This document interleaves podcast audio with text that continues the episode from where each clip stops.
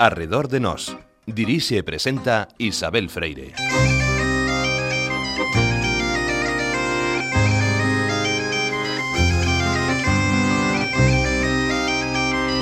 Hoxe falaremos de Antonio Raimundo Ibáñez e a súa fábrica de sargadelos. Pois é un home ilustrado, bastante avanzado dentro da, da súa época, polo seu pensamento económico, para moitas cousas eh, podía inscribirse dentro do que o, o, sea, o pensamento liberal, o relativamente liberal, eh, algo que en realidade contrastaba bastante ca súa práctica, porque na práctica era un home que tocaba todos os bimbios, que veía todos os bimbios, e mm, ponía ovos en todos os cestos, e, a, e claro, e o tipo de compulsión extraeconómica, de, de forzar os campesiños a andar realizando acarrexos e todo isto, se utilizar o foro militar non era precisamente algo do, do liberalismo, ele un empresario entre dúas épocas de transición, utiliza os mecanismos do antigo réximen que lle interesa o servicio dunha actividade que xa máis ou menos eh, dunha industria máis moderna. Non? Sempre pensado que haría falta o sería muy bueno hacer una película sobre esto,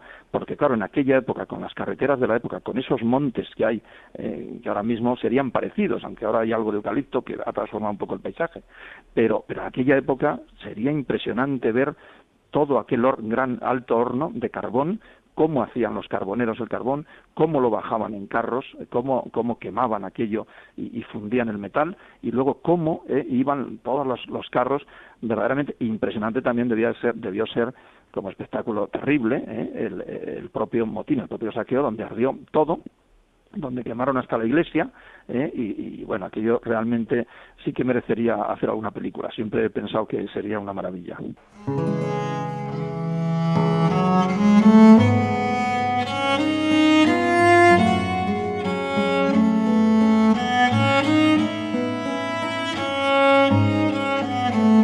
Voulles contar a apaixonante e tráxica historia dun home, un visionario, un empresario do século XVIII, capaz de materializar un proxecto industrial impresionante. Os primeiros altos fornos de uso civil que se crean en España. Estarán en Galicia, na parroquia de Santiago de Sargadelos. A imaxe que temos nós desta Galicia eh, puramente rural é unha imaxe creo que debe ser corrixida, non? É dicir, que non eh, aquí había máis que labregos e eh, vacas, non? Que está moi ben co Saxa, pero Galicia ten unha tradición industrial, non? Eh, non no 20, sino con antelación. E esta, esta, esta, esta, esta realidade moitas veces, pois, esqueces, non?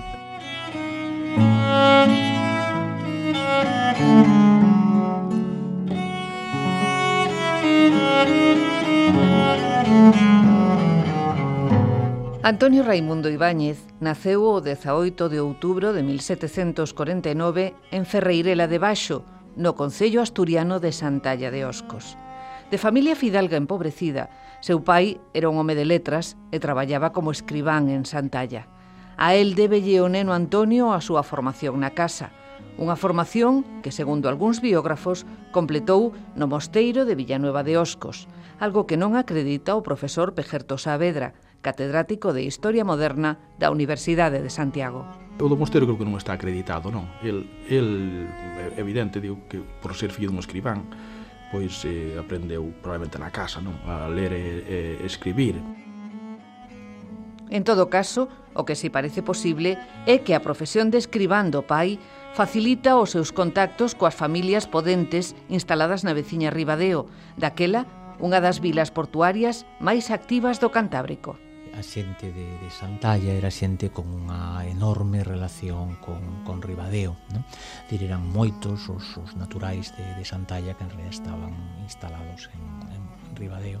E, polo tanto, había unha relación pois, como, como moi fluida. Non? Por exemplo, o pai de Antonio Raimundo Ibáñez pois levaba na súa escribanía moitas cousas de, de Ribadeo e chamaban no? eh, pois fidalgos e xente de Ribadeo para asesorías de determinadas cousas e por lo tanto había unha relación non só entre Santalla e Ribadeo sino tamén entre a propia familia que era unha familia bastante ampla de, de Antonio Raimundo Ibáñez e as familias pois eh, fidalgas e comerciais de, de Ribadeo non? Xoan Carmona, catedrático de Historia e Institucións Económicas da Universidade de Santiago. Ribadeo era o centro económico da, da zona, non?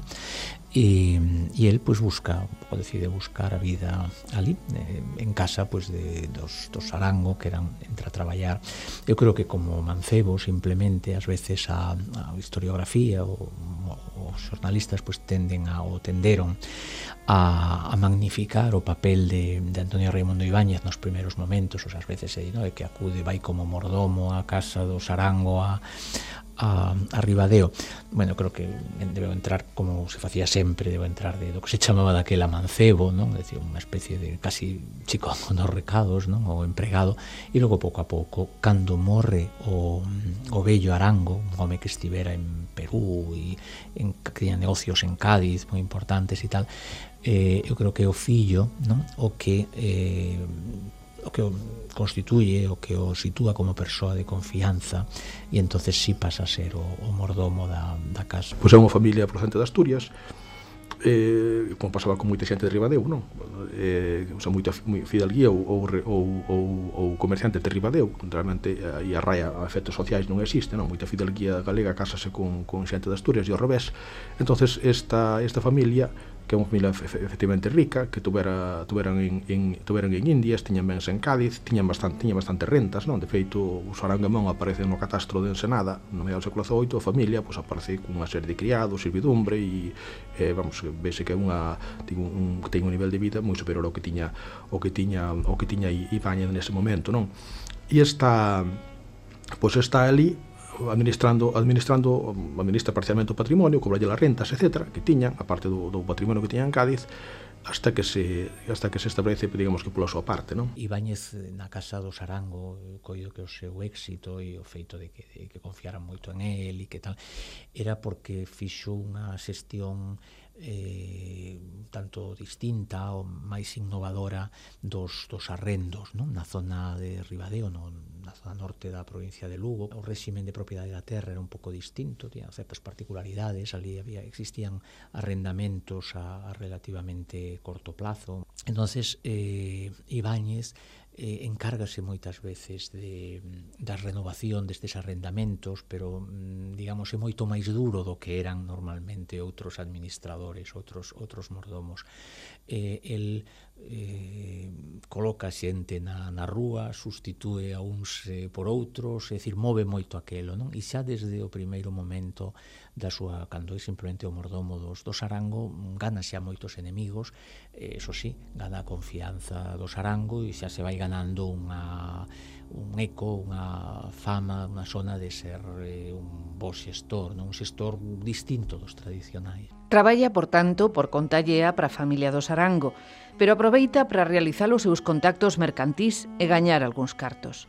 De feito, algúns datan a orixe da súa fortuna nunha viaxe en barco a Cádiz en 1773, na que aproveitaría para enchelo de volta con viño, aceite e augardente, que vendería logo entre os señores de Asturias e Galicia. A tradición que foi a Cádiz, non? É que, que, que que negociou non cun co, ca, digamos que co, mm, eh, co diñeiro que cobrara, non? que aproveitou para comprar unha partida de aceite, etc. Por vendeu. Bueno, eso, eh, non sei se é certo se non, é unha tradición, pero é, é creíble. Quer dizer que é moi, moi habitual na época en que digamos que negociar co diñeiro alleu, non? Pero eso, eso é, digo, habitual, porque normalmente as contas a veces rendíanse bastante tarde, non? Entonces eso pasa pasa, digo, con moitas con moitos con moitos mordomos, non? eu creo que máis ben mitoloxía que outra cousa e que en todo caso ese non é a orixe da súa fortuna nin da súa independización eh, do Sarango porque nos dous ou tres anos anteriores a documentación dos notarios da época e tal demostra que se levaba dous ou tres anos facendo negocios por conta propia.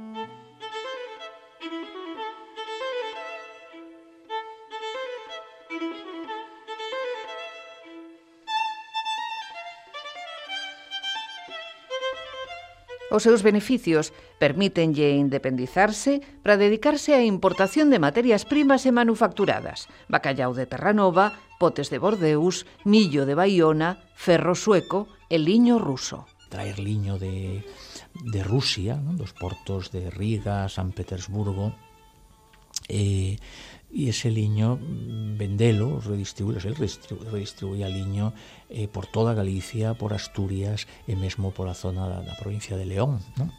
E incluso algo polo norte de Portugal, ¿no? Era un gran, era un gran mm, comerciante de porxunto, un gran maiorista de deste produto. El prestaba o liño, prestaba, era, era, o que facía era prestar ¿no? A, a grandes ou a medianos eh, comerciantes que a súa vez prestaban tamén a, a outros comerciantes máis pequenos que a súa vez prestaban tamén as TCD, as familias de Tecedeiras e de Tecelans. Entón, hai unha rede moi grande que ele está detrás de todo e vais especializando en este tipo de produto sin deixar outros, non? O bacallao, eh, os que se chamamos potes de Burdeos, que eran estes potes de ferro, eh, algúns artículos de, de cerámica, aceite, viños, por exemplo, era el eh, consigue os, o suministro da existía naquela época un, os suministros municipais de aguardente eran un monopolio eh, en, de viño e aguardente en moitos concellos, entón sobre todo, el vende en Asturias, consigue algunas concesións destas, bueno, se dedican uns negocios moi moi diversos, pero o, o ramo principal é o, é o liño, non?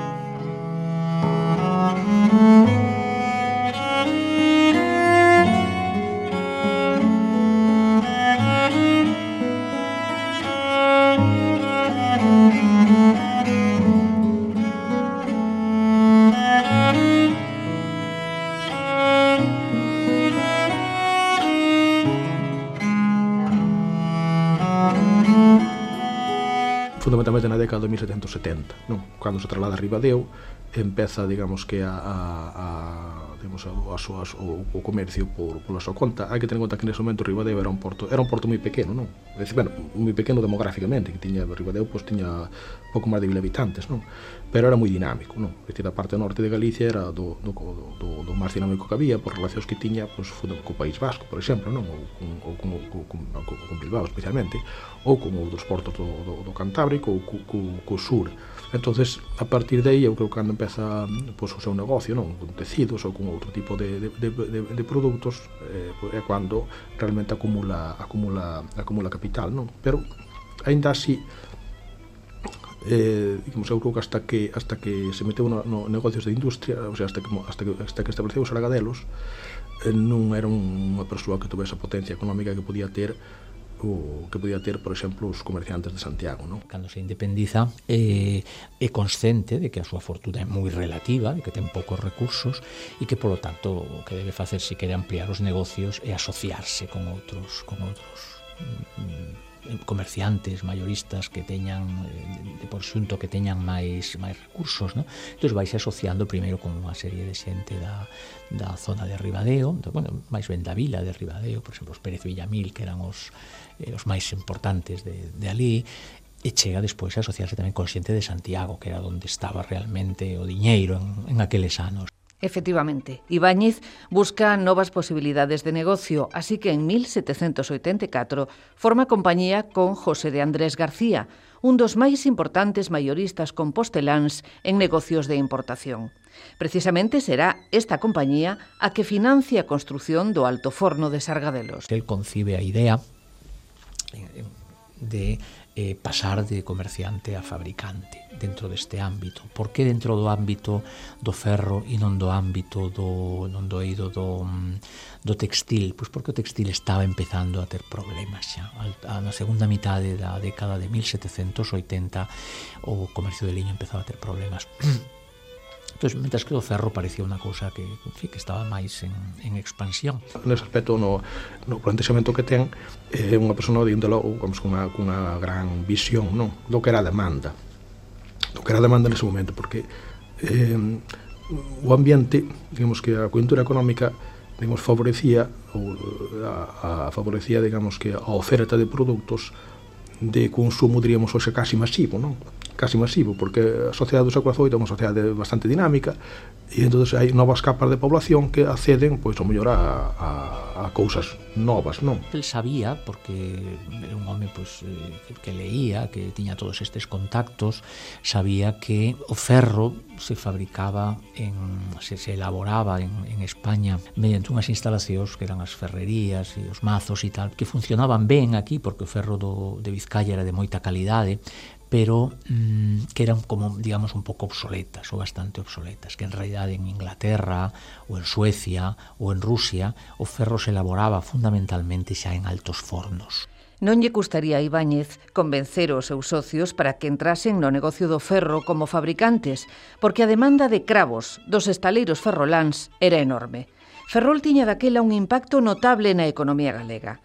Se en 1750 tiña uns 1.500 habitantes, 30 anos despois acadaba os 30.000, converterase no núcleo urbano máis grande de Galicia fronte a Santiago, que tiña 17.000 habitantes, a Coruña 12.000 e Vigo 3.500. A demanda de ferro para os barcos que se construían o igual que a de Coiro e de Lonas, pulou destes sectores en Galicia. Digamos que o ambiente era propicio para iso e en, en parte era propicio porque eh, a demanda de ferrol era enorme, non? Unha vez que, se, que funcionan os hosteleiros, pois, a demanda de clavazón, a demanda de lonas, a demanda de coiro, non? Eh, moitas fábricas de coiros que se establecen na, eh, na década de 1770, pois pola zona de, na, na, por, próximo, na proximidade de Ferrol, non? Está fundamentalmente a veces moitas fundadas por cataláns, pois teñen que ver co, co que este núcleo que digo ten unha demanda e un efecto na, na, en moitos sectores de Galicia, en sectores industriais moi moi importante.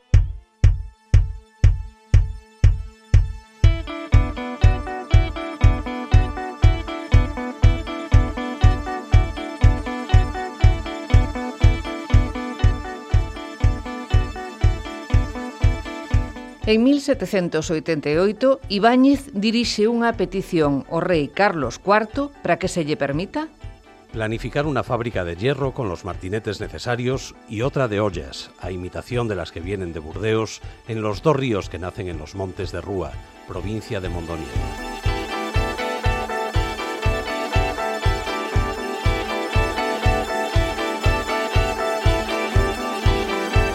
Tres anos despois, levantaba en Sargadelos o primeiro complexo siderometalúrxico galego con altos fornos para uso civil, os primeiros de España.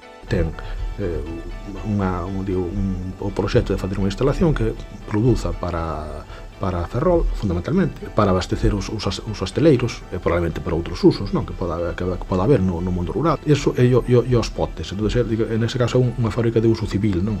E, eh, e a cuestión do eh, isto é importante porque eh, son os primeiros altos fornos de uso civil que se crean en España.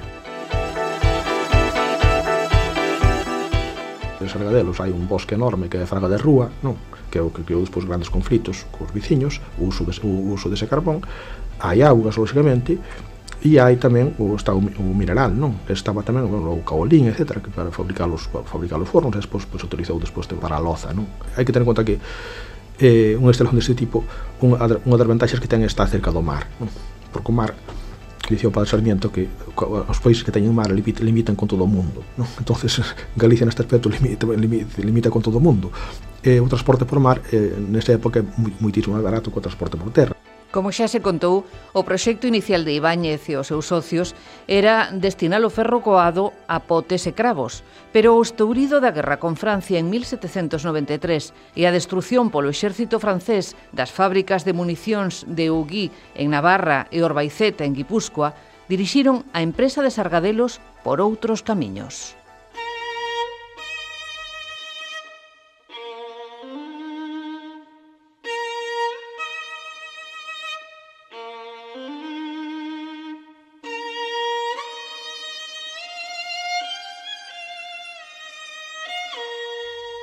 O alto forno de Sargadelos, que se estaba rematando de construir naqueles momentos, podía fundir o mesmo potes que munición.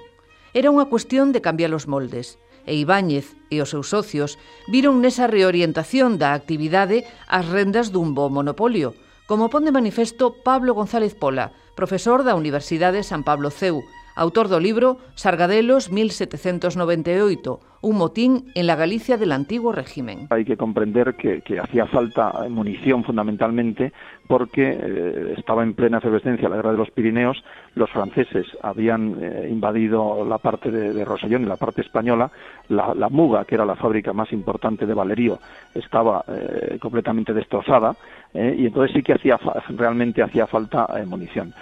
En outubro de 1794, a empresa de Sargadelos chega a un acordo co exército e empeza a fundición de municións.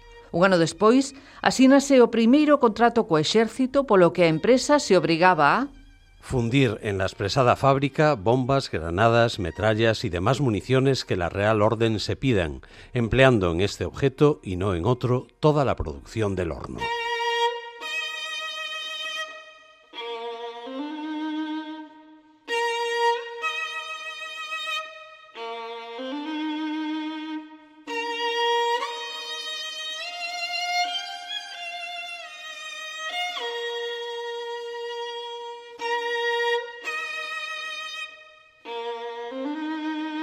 Cando empeza a producir, a coyuntura cambiara moito, a coyuntura político e militar non cambiara moito con respecto ao momento no que presentara o proxecto, eh, no 1788, eh, quizá un ano antes incluso, e eh, estamos, digamos, que xa na guerra en con, ca Convención Francesa, as fábricas de armas que tiña a monarquía foran na fronteira, non?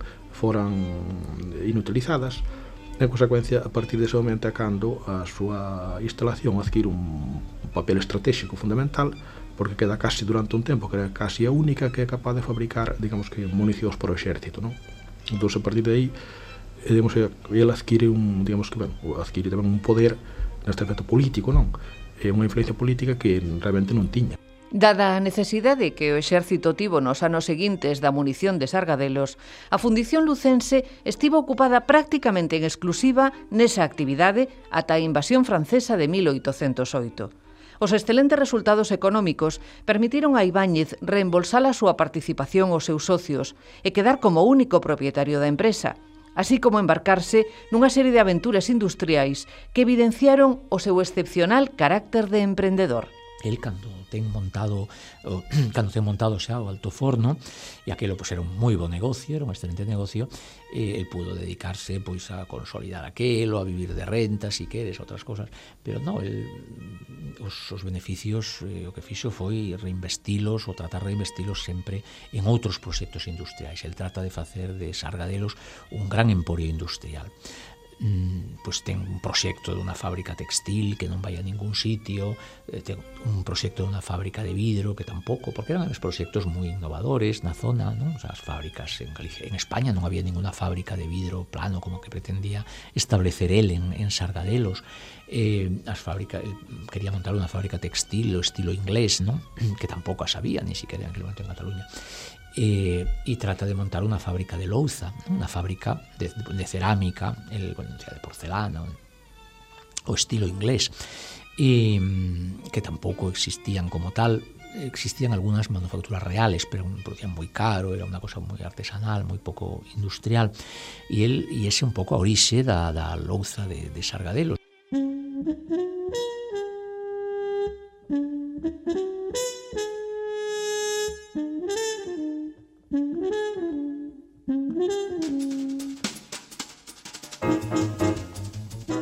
O alto forno de sargadelos era dun tipo relativamente común en Inglaterra ou en Suecia, que utilizaba carbón vexetal que se obtiña mediante a combustión incompleta de enormes cantidades de madeira e materia vexetal. Pois o carbón vexetal facíase eh, provocando unha combustión incompleta de, digamos, de arbustos, de eh, material vexetal, non? polas dos árboles, en fin, este tipo de cosas. Y Entonces esto eh, exixía un, un consumo de masa forestal moi grande e exixía dispoñer de moitas hectáreas de bosque eh, a disposición do Alto Forno. Non? Mm, moitas hectáreas. Entón, por iso, na, en Rusia, por exemplo, ou en Suecia tamén, eh, os altos fornos eran unha cousa que montaron, logo cambiaba de propiedade, pero en principio sempre montaban eh, nobles, condes, eh, duques, xente poderosa, non? que tiña un, un señorío, en fin, unha zona con, con jurisdicción, daquel era o señor, o justicia e todo isto, e que eran del eses bosques. entonces no medio dun bosque enorme, pois pues montaban un alto forno. ¿no? Despois a mellor vendían a un industrial ou algo así, pero bueno, claro, nacía o alto forno dispoñendo dunha gran dotación de bosque para carbonear. ¿no? Eh, claro, eso aquí eh, era imposible porque a propiedade pues, estaba moi dividida, os montes nos máis dos casos eran o, o de o de mancomún ou de voces, no? de varas, entonces existían dereitos comuns e mm, polo tanto era moi complicado de, de conseguir eso. No? Entonces cando os primeiros eh, proxectos, os anteriores a Ibáñez, na, tamén na zona esta norte da provincia de Lugo, pois tratan de montar o seu forno, hai protestas, hai líos, tal, pero non sale adiante.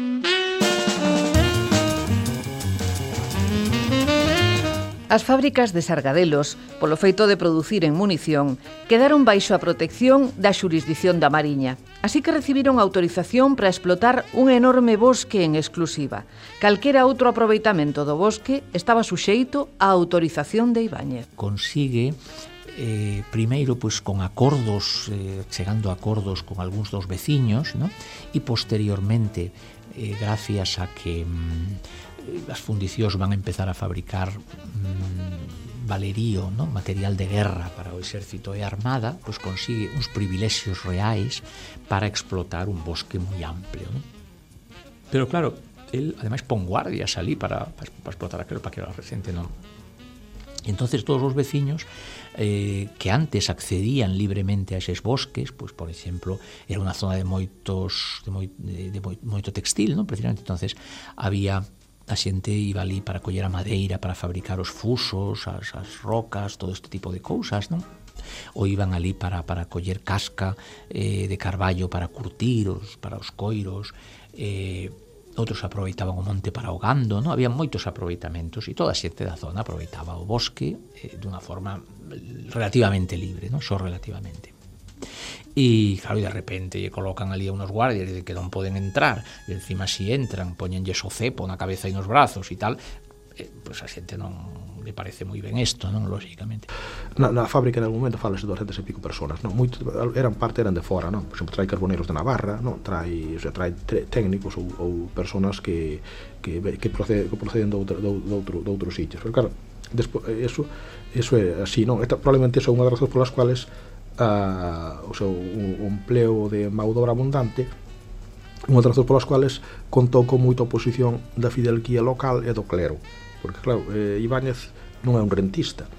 É dicir, non é un rentista eh, pero é un personaxe moi poderoso entonces eh, é, é, eh, eso choca non, é unha, unha novedade moi grande na sociedade da época non? Decir, como, como aquí que non que o, o, digamos que os, os, o sector dominante socialmente pois, son fidalgos e, eh, eh, que o clero de repente aparece unha persoa que ten un poder eh, enorme non notable pero que non pertenemos que pertenece a, un, a, un, a, un, a unha profesión nova, non? É un, un empresario. Entonces, esta, digamos que esta competencia polo poder local eh, que deriva, digo, da súa da, da, da, da, da súa, da súa actividade, pois eh, choca moito na, non, na entra entra no que, no, no que son os sectores tradicionais, non?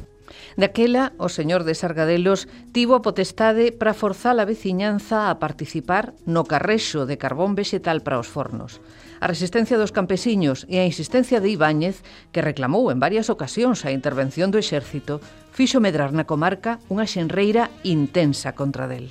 O transporte era unha cosa moi intensiva. Eran carros e carros se necesitaban. Entón, o que facía era eh, facer contratos ca xente eh, suministrándolles o carro unha cosa moi curiosa que poucas veces tamén se ten dito no caso de Ibañezel día, mira, eu douche un carro, coía catro veciños eu dou vos un carro, cos bois, con todo montado, armado e en vez de pagarme en diñeiro eh, ides pagándome pouco a pouco en, en nos acarrexos de, de carbón. Entón, así tiña xente pillada.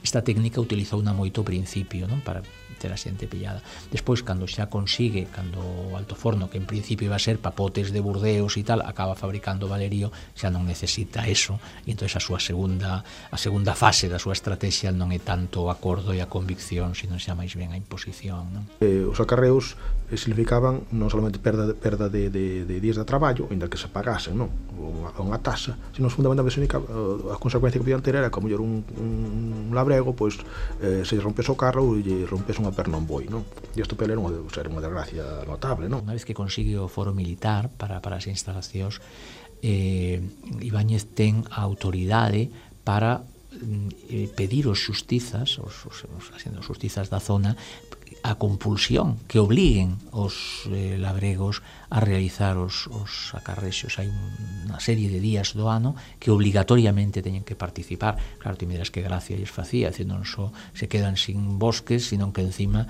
teñen de tantos días ao ano creo que era eh, traballar para outro cobrando, pero están forzados e ademais a tasa o precio un precio de tasa que é moi barato. También afecta a, efectivamente al clero, al clero rural de allí, porque los campesinos al dedicarse a la empresa ya dejan de pagar los diezmos que tenían ellos y también eh, lo que son eh, pues los eh, caciques locales o digamos la oligarquía financiera de la zona, eh, las personas que realmente eh, pues tenían arrendados terrenos que temen también que estos campesinos dejen eh, las, las, explotaciones agrarias arrendadas a ellos y estén en la fábrica. Y todo esto es lo que hace eh, que desde el principio, y luego también el carácter despótico un poco eh, de, este hombre, pues hace, porque claro, no, no negocia muy poco y ahí desde muy temprano ya hay problemas con esto. Y todo esto hace que se cree esta amalgama que termina en el motín.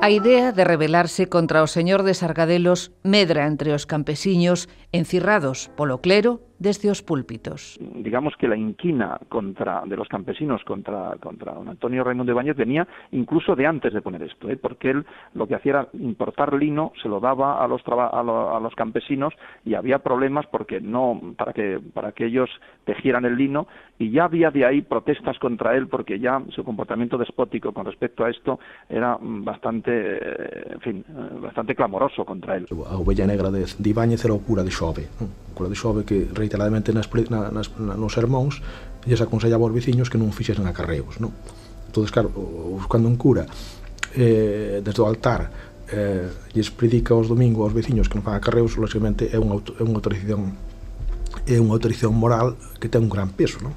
dicir que é legitimar, pois, legit, legitima a súa, a súa, a súa actividade de, de resistencia.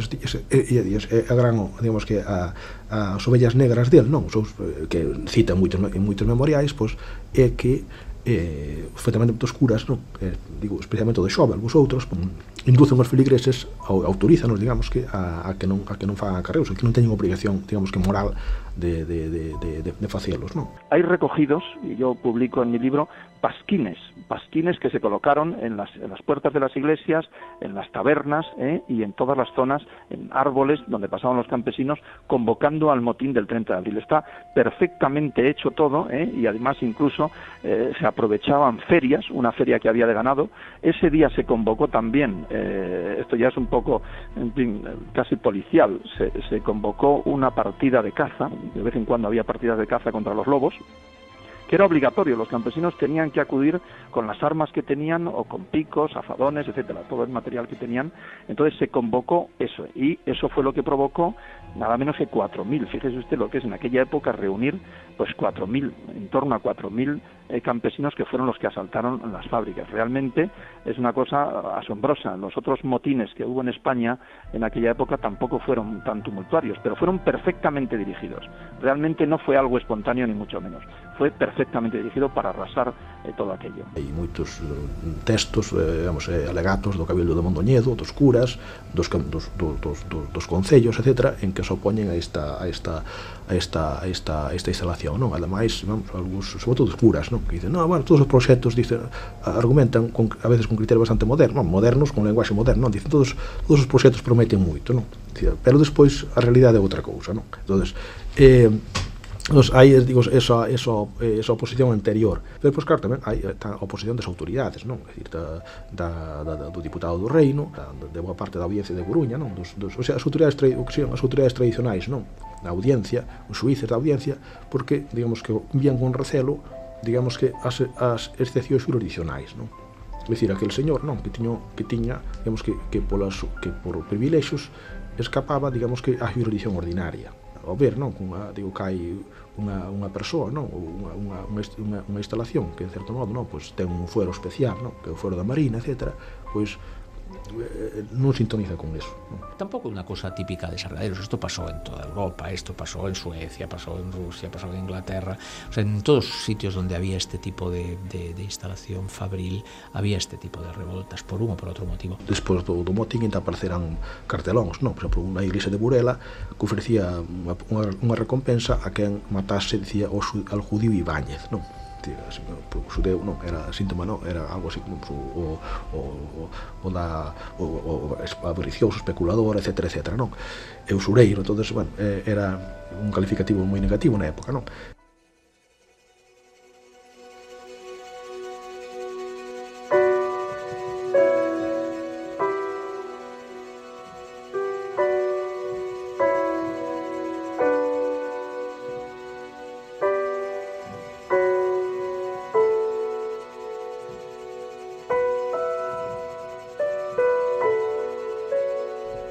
Máis de 4.000 asaltantes incendiaron as fábricas o último día de abril de 1798. Querían matar a Ibáñez, pero o dono da fábrica conseguiu fuxir. Nós loitamos polo que é noso! Noso traballo é para nós, non para eles.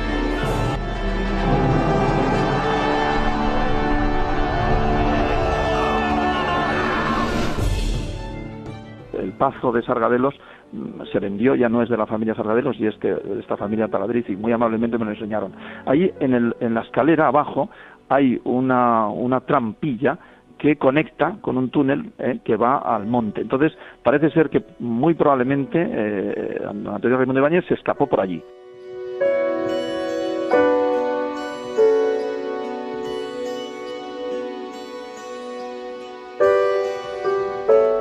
tralo motín, Ibáñez quere que a xustiza persiga os auténticos culpables, os instigadores, pero non o consegue Os propios suíces, non? xa eh, inician, digamos, que investigación exhaustiva sobre os amotinados, etc., etc., pois eh, e, asun, e o asunto cae nas maus de, deste de Rebella de Puga, que era mm, sei, presidente da sala do crime, pero non, foi unha parte da sala do crime, pois que era que levaba o asunto, non? Pois entón Ibáñez é cando empeza non a decir que vamos ca, ca, ca, ca que su, a, a, averiguación é lentísima, que Herbeia de Puga pois, é un home menamente parcial, porque leva, tuvo 25 anos, non? De relator da audiencia, que eso obligou a intervir en moitos pleitos, non? E proporcionou un conocemento de moitas casas fidalgas de Galicia e do clero, non? Entón dice que ten unha serie de conexións, non? E, en todo o reino, que lle impiden pois, ser imparcial. Dice Ibañez, de su desporte, non sei se desporte tantos anos, non, de averiguación, dice, só están na cárcel uns cuantos desgraciados, non? É dicir, uns cuantos, digamos que parias, non? Mentras que os, os, os, os, os, os, os responsables para, para ir a Fidelguía, unha parte do clero, eh, siguen, non, siguen, siguen tan, siguen tan campantes, non?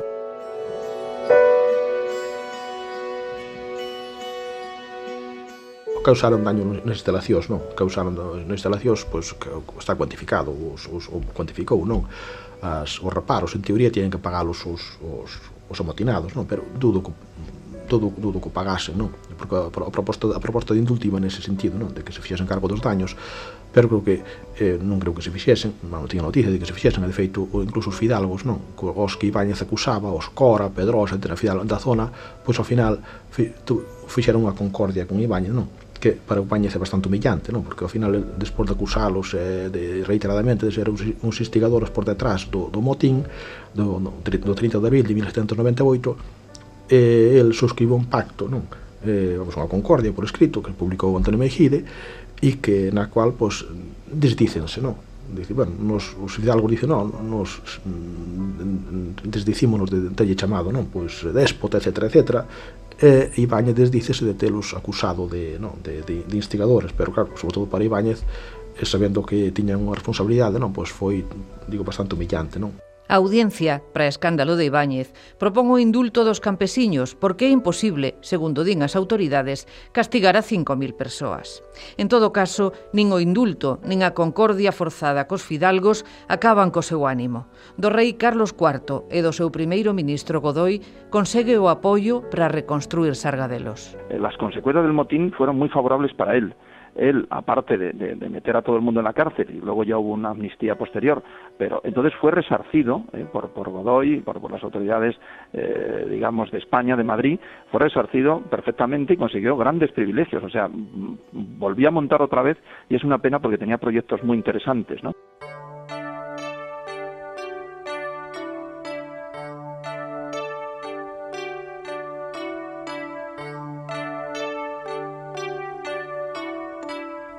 En 1803, Ibáñez planea unha nova fábrica para facer fronte a unha demanda crecente da poboación a da louza estilo Bristol, que se adoitaba importar de Inglaterra. Claro, había uh, goleiros en Galicia, non? A fábricas, eh, pero a novedade desta fábrica que producía eh, un artigo, digamos que para consumo eh, para consumo, en certo modo, bueno, entre, entre comillas, masivo, non? O sea, a fábrica de louza que había eran normalmente louza de, de luxo, non? É dicir, para, para, para as elites. E é o que, o que fai é unha, dice, louza imitada de Bristol, non? Pois é unha fábrica que, que, que, que destinada ao, a, a sacar ao mercado un produto pois que se venda, polo menos, entre as capas tamén medias da sociedade, non?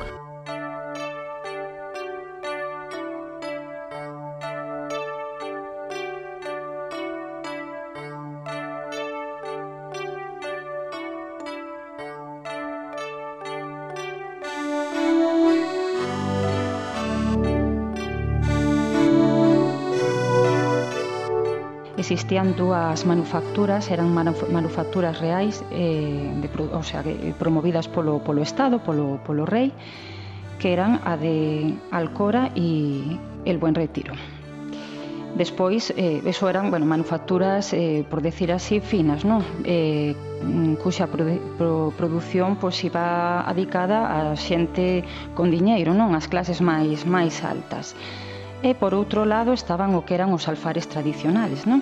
Xa sabemos, bueno, pois en Galicia eh, pois Bonxe, pois toda a cerámica, olería Buño, eh, e despois en España, pois no resto de España Talavera, outros, bueno, outros alfares. O que sí que había era unha gran cantidade de louza que procedía e de porcelana que procedía de, de outros países. Entraba masivamente eh, en España por, por importación. Ese é o panorama que, que hai cando, cando Raimundo Ibáñez pois, funda a fábrica. Ese é o motivo que, que ten Raimundo o, o que ve, o panorama que ve pois, en ese momento non se fabrica louza fina que é un material pois máis barato, máis eh, demandado en aquel momento polas clases medias, era o, o boom non de daquel momento, o descubrimento da louza fina. É o que, que pretende facer el, pois facer un, unha fábrica onde se produza un produto para sustituir o de o que se estaba importando masivamente. Tal e como nos explica María Quiroga Figueroa, autora dun estudio sobre a louza de Sargadelos, Ibáñez quere seguir o modelo de Staffordshire. Eso pensamos que é o que fai Raimundo Ibáñez, que se fixa na, nas producións de Staffordshire en, en Inglaterra para montar a, a súa factoría é mm, o que ti dices que precisamente amonta o pé das materias primas. A, o, a, costa de Lugo é rica en caolín, en materias eh, cerámicas propias para a produción deste tipo de louza e por primeira vez se funda unha fábrica non o pé da corte como se estaba facendo ata agora non en España, sino o pé das materias primas, o sea, para que eh, todo a produción fose máis máis fácil e máis racional. Con esa finalidade construense tres grandes fornos, dous pequenos e un obradoiro con 25 tornos para producir case 20.000 pezas anuais, pero os atrancos son moitos. A fábrica de Louza era moi complicado e o que quere facer é cerámica, porcelana, xa mm, a cosa aproveitando que hai caolín na zona. Mm, pero aquel momento é moi difícil, non consigue os técnicos que, que consigue, aquelo non funciona, tarda cinco anos en empezar a producir, produce e con uns custos moi elevados, aquelo é unha ruína. O que o principio é unha ventaxa, eh, o de colocar as fábricas o pé das materias primas, veremos que o final, eh, cando morre xa, cando estaba a morrer a fábrica de Sargadelos no, seten, no 1875, eso é un un punto negativo, xa que, sí, por un lado está ao pé das materias primas, pero por outro lado está moi mal comunicada co resto da península.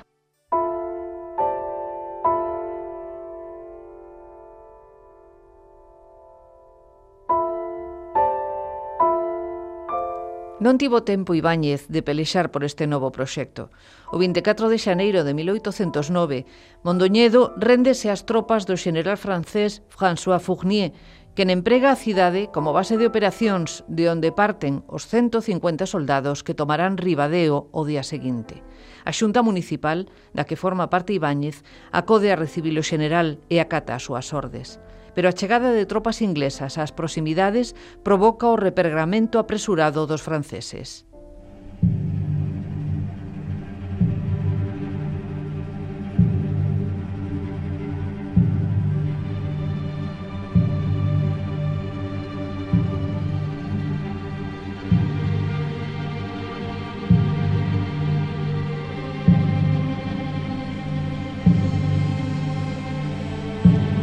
cos ánimos moi exaltados, os veciños buscan vinganza contra os membros da Xunta Municipal, pero únicamente un dos seus membros sucumbirá ás iras da multitude.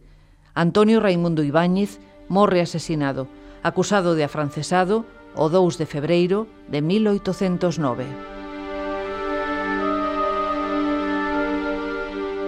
Le acusaron de afrancesamiento seguramente porque había mucha efervescencia en esa época, en 1809, y las tropas asturianas de Worcester dicen, porque no está muy demostrado, que entraron, ¿eh? entraron en Ribadeo y, lo mataron. No está claro si fueron las tropas asturianas de Worcester, que no eran tropas regulares en el sentido de soldados, sino que eran también voluntarios. Pero sí que probablemente eh, esa acusación de afrancesado sirvió para mover en ese momento a las masas que estaban interesadas por la, por la inquina que, que había ocurrido, por el propio motín y ya digo, sus consecuencias del motín, porque hubo mucha gente que estuvo en la cárcel y que tuvo que pagar con su hacienda muchísimo dinero para resarcirle. Entonces, claro, esto fue lo que hizo eh, que lo mataran seguramente el 2 de febrero de 1969. Eu penso, de todas, penso que foi que, que a hipótese máis, máis, máis creíble é que fose vamos, un, un Unha, a, a, cumplir, a, a rematar o que se o que non se podera facer o, o no, no, no motín anterior, digo, polas circunstancias en que isto sucede, non? E incluso tamén é, é por exemplo, o feito de que a partida de, de, de función, non? Do cura de Ribadeo pois é unha partida dunha frialdade, non? É certo que as, os documentos, non, da época son documentos moi estandarizados, non? Eh, pero ainda así reflexión a frialdade, vamos, que ve que o cura non tiña simpatía absolutamente ninguna? Eh, yo creo recordar que en el libro de actas de Ribadeo, que yo me lo, lo, estuve viendo todo, faltaban justo las hojas, estaban arrancadas las hojas correspondientes al 2 de febrero de 1809, donde seguramente, eh, en el libro de actas, hubiera puesto algo de la muerte de, este hombre. Y desgraciadamente esos documentos han desaparecido, no hay nada más en los archivos que yo haya visto y espero que algún día aparezcan y que algún investigador gallego, además, que están eh, trabajando mucho y muy bien en la historia de Galicia, pues yo espero que esto se pueda aclarar algún día. No, entonces a francesa, os afrancesados foron reprimidos, non, polo poder político, pero non pola, digamos que non non pola pola, digamos, pola, pola xente, non? Polo, digamos, polo, a nivel popular, non? Santiago pois, houve eh, grupo de afrancesados que despois foron castigados, non? Na universidade, etc, etc. Pero a nivel popular, digamos que non sufriron represalias, non? Entón, el, digamos, neste aspecto é unha excepción, é dicir, que eh, como é o afrancesado, vamos a vamos a, a matalo, non? Tal, eh, que, eh, por eso creo que eh, eso que é un pretexto, digamos que para unha venganza eh, moito tempo, desexada durante moito tempo, non?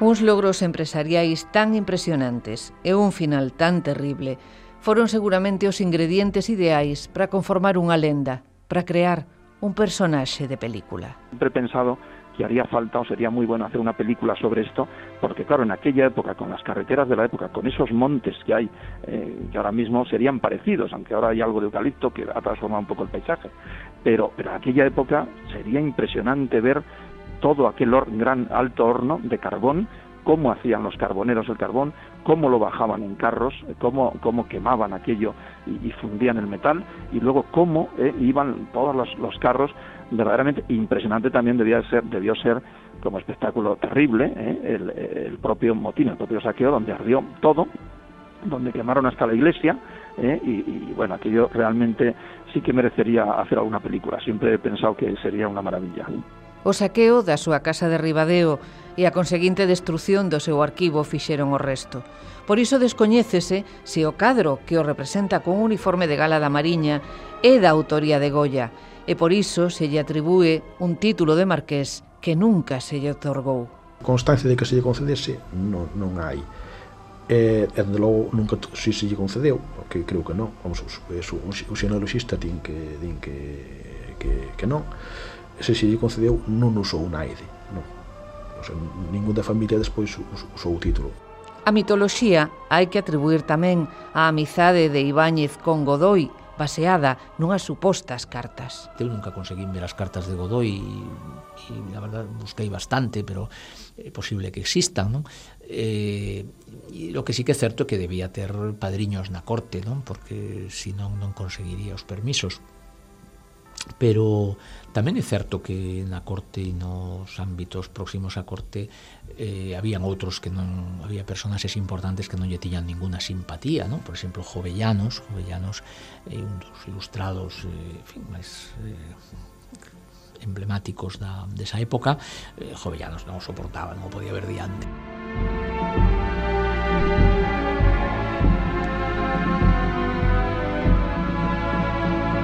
O que non se lle pode negar a Ibáñez foi o seu pragmatismo, a súa mentalidade avanzada de empresario que ensaia conceptos de concentración empresarial e que reinviste os beneficios fronte aos fidalgos que viven das rendas agrarias. Cando Ibáñez morre, non? E se fai inventario do, do, do seu patrimonio, pois é un patrimonio formado fundamentalmente por o que va a fábrica, non? Os efectos que pode ter de relacionados coa súa actividade eh, empresarial e as rentas teñen un peso escaso. Non? Dicir, este, a gran novedade de, de Ibáñez é que no seu patrimonio no, no total, pois, as rentas teñen, digo, as rentas agrarias teñen un, un peso moi reducido. E xa foi xa, xa hai a, a 40, máis de 40 anos, non? que algún historiador americano, William Callahan, eh, chamou a atención sobre eso, eh, comparando eh, con outros con outros empresarios de época que digamos que tiñan moita máis inclinación pola renta, non? Neste aspecto, digamos que, entre comillas, moito máis moderno. Pois é un home ilustrado, bastante avanzado dentro da, da súa época, polo seu pensamento económico, para moitas cousas eh, podía inscribirse dentro do que o, o, o, o pensamento liberal o relativamente liberal eh, algo que en realidade contrastaba bastante ca súa práctica porque na práctica era un home que tocaba todos os bimbios, que poñía todos os bimbios e mm, ponía ovos en todos os cestos e, a, e claro, e o tipo de compulsión extraeconómica de forzar os campesiños a andar realizando acarrexos e todo isto se mm, utilizar o foro militar non era precisamente algo do, do liberalismo, era un empresario entre dúas épocas de transición.